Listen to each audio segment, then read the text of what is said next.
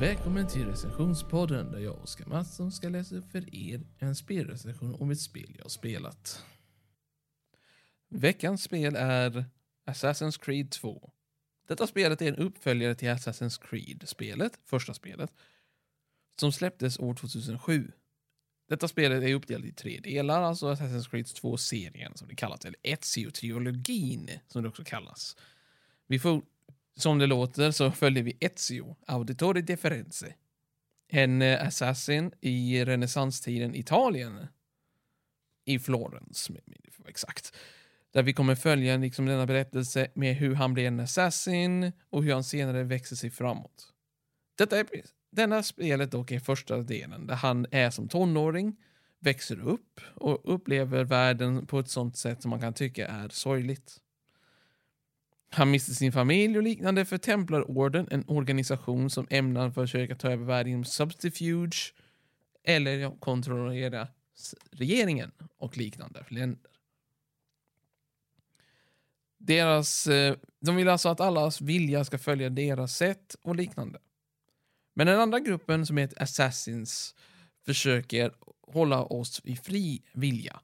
Det vill säga de vill att vi ska ha frivilliga val och alltihopa ska vara rättvist. Att vi får välja själv. Medan Templar vill tvärtom. Nåja.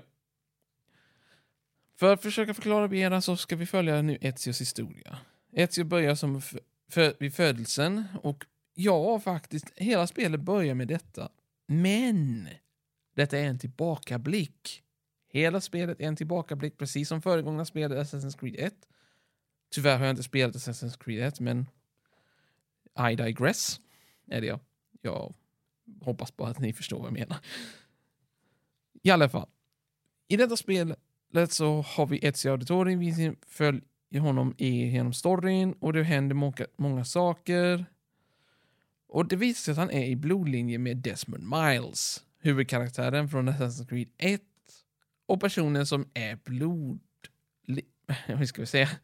I generationer från Ezio. En av generationerna. För eftersom att Ezio tillhör en familj som slås senare ihop med Altair Ibn Dihad, vilket är också från Assassin's Creed 1. Deras två blodlinjer bildas en linje som i sin tur kopplas ihop med en annan, jag tänker inte avslöja vem, som i sin tur blir Desmond Miles familj. Denna huvudperson, Ezio, börjar ju börjar sin historia med hämnd eftersom att hans familj blir dödade. Allihopa, utom hans syster och hans mor som överlever. För att de ska lida enligt Templarorden. Vi följer också ökända personer inom Italien som till exempel eh, ja, eh, en av prästerna som senare blir ärkebiskop. Jag, vet, jag kommer inte ihåg exakt vad han heter, men jag ska försöka komma ihåg den så, så fort jag kan i denna lilla recension. Men i alla fall, vi följer alltså en templarledare som är präst. Vilket gör det så att kristendomen kan vara ett monster över monster i denna story. Men det är inte så enkelt. För denna präst är ju besatt av att styra andra. Vi följer också andra karaktärer i den här storyn som till exempel Leonardo da Vinci. Som dyker upp som både målare och ingenjör. Ja, det är faktiskt så att Ezio får hjälp utav Leonardo genom att göra så att hans vapen och liknande blir bättre. Och han får lite mer nya tekniker. Ah, nu kommer jag ihåg namnet på, på ledaren för Templarorden. Borgia. Överstebiskopen Borgia. Mer, mer exakt, jag vet inte exakt namnet på honom. Men jag ska i alla fall nämna hans son Rodrigo. Rodrigo Borgia vill samla en armé och utplåna Ezio för att han blivit mobbad vid ung ålder. Snacka om intressant story. Att hämndbegär genom mobbning är ju inte så normalt att det händer att mobbaren mobbar tillbaka så hårt så att han förgör hela familjer. Men som sagt, det händer ibland. Rodrigo vill mer mindre ställa till så att tempelorden ska regera över Florens, det vill säga Italien sakta men säkert.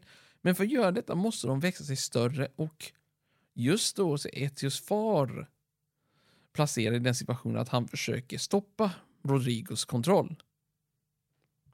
Detta slutar med att eh, hans far och hans två bröder blir hängda framför hans ögon. Detta skapar hämnden för Ezio. Jag kanske nu nämnt det några gånger, så jag ber om ursäkt. Men eh, efter ett tag så möter vi också Ezios farbror, Mario. Vilket är, ja, faktiskt, hans namn är ett skämt. Från skaparen, för så fort du ser honom, träffar honom första gången så säger han till och med It's a me, Mario! Vilket känns som okej. Okay. Vi, har, vi har inte sett honom förrän då och det känns som att han är ett skämt. Och han är skämtinriktad, ja, men han är också seriös, vilket gör honom otrolig. Du hamnar senare i en herrgård som du blir tvungen att bygga upp eftersom att det har fallit på dåliga dagar. Detta ger det första byggsystemet i Assassin's Creed-serien, vilket tillåter dig att bygga om hela hemmet till bättre. Du sätter ut nya hus, du väljer om vilka uppgraderingar vi ska ta, du måste samla egna pengar för att uppgradera dessa husen. Du får sedan lite pengar till och med från dessa hus, sakta men säkert, tillåter dig bygga uppgraderingar. Efter ett tag så kommer du hamna i en situation där du får lönnmöra orden och Rodrigo lyckas komma undan. Men blir ännu värre och värre och värre blir det så tiden går. Eller tiden går menar jag eftersom att åldern kommer sakta men säkert in. Denna story är ju, har jag inte spelat ut helt, ska jag försöka vara ärlig. Jag har försökt, men varenda gång har det hänt någonting fel. Eftersom att spelet är gammalt. Don't judge. Eller skyll inte på mig, jag vet inte själv vad som har hänt. Men tiderna är inte schyssta med ett spel som detta.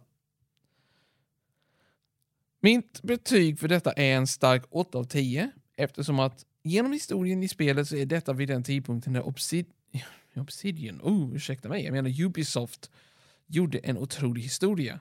En så otrolig historia att man tyckte, ja, jag vill spela klart detta. Men med tiden så har det blivit sämre och liknande, men jag, jag tycker ändå att det är värt spel. De har försökt föra över det till en ny funktion, till de nya spel, spe, spelkonsolerna. Som till exempel Ezio-trilogins uppgradering och liknande. Och det innehåller alla tre spelen. Detta var i alla fall första delen och jag hoppas att ni kommer lyssna på nästa del där jag kommer försöka göra Brotherhood. Assassin's Creed Brotherhood för att vara exakt.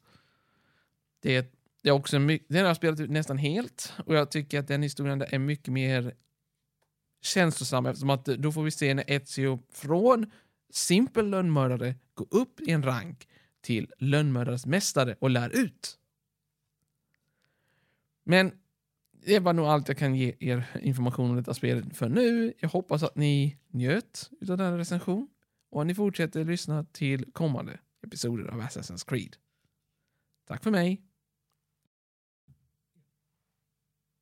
Hej då!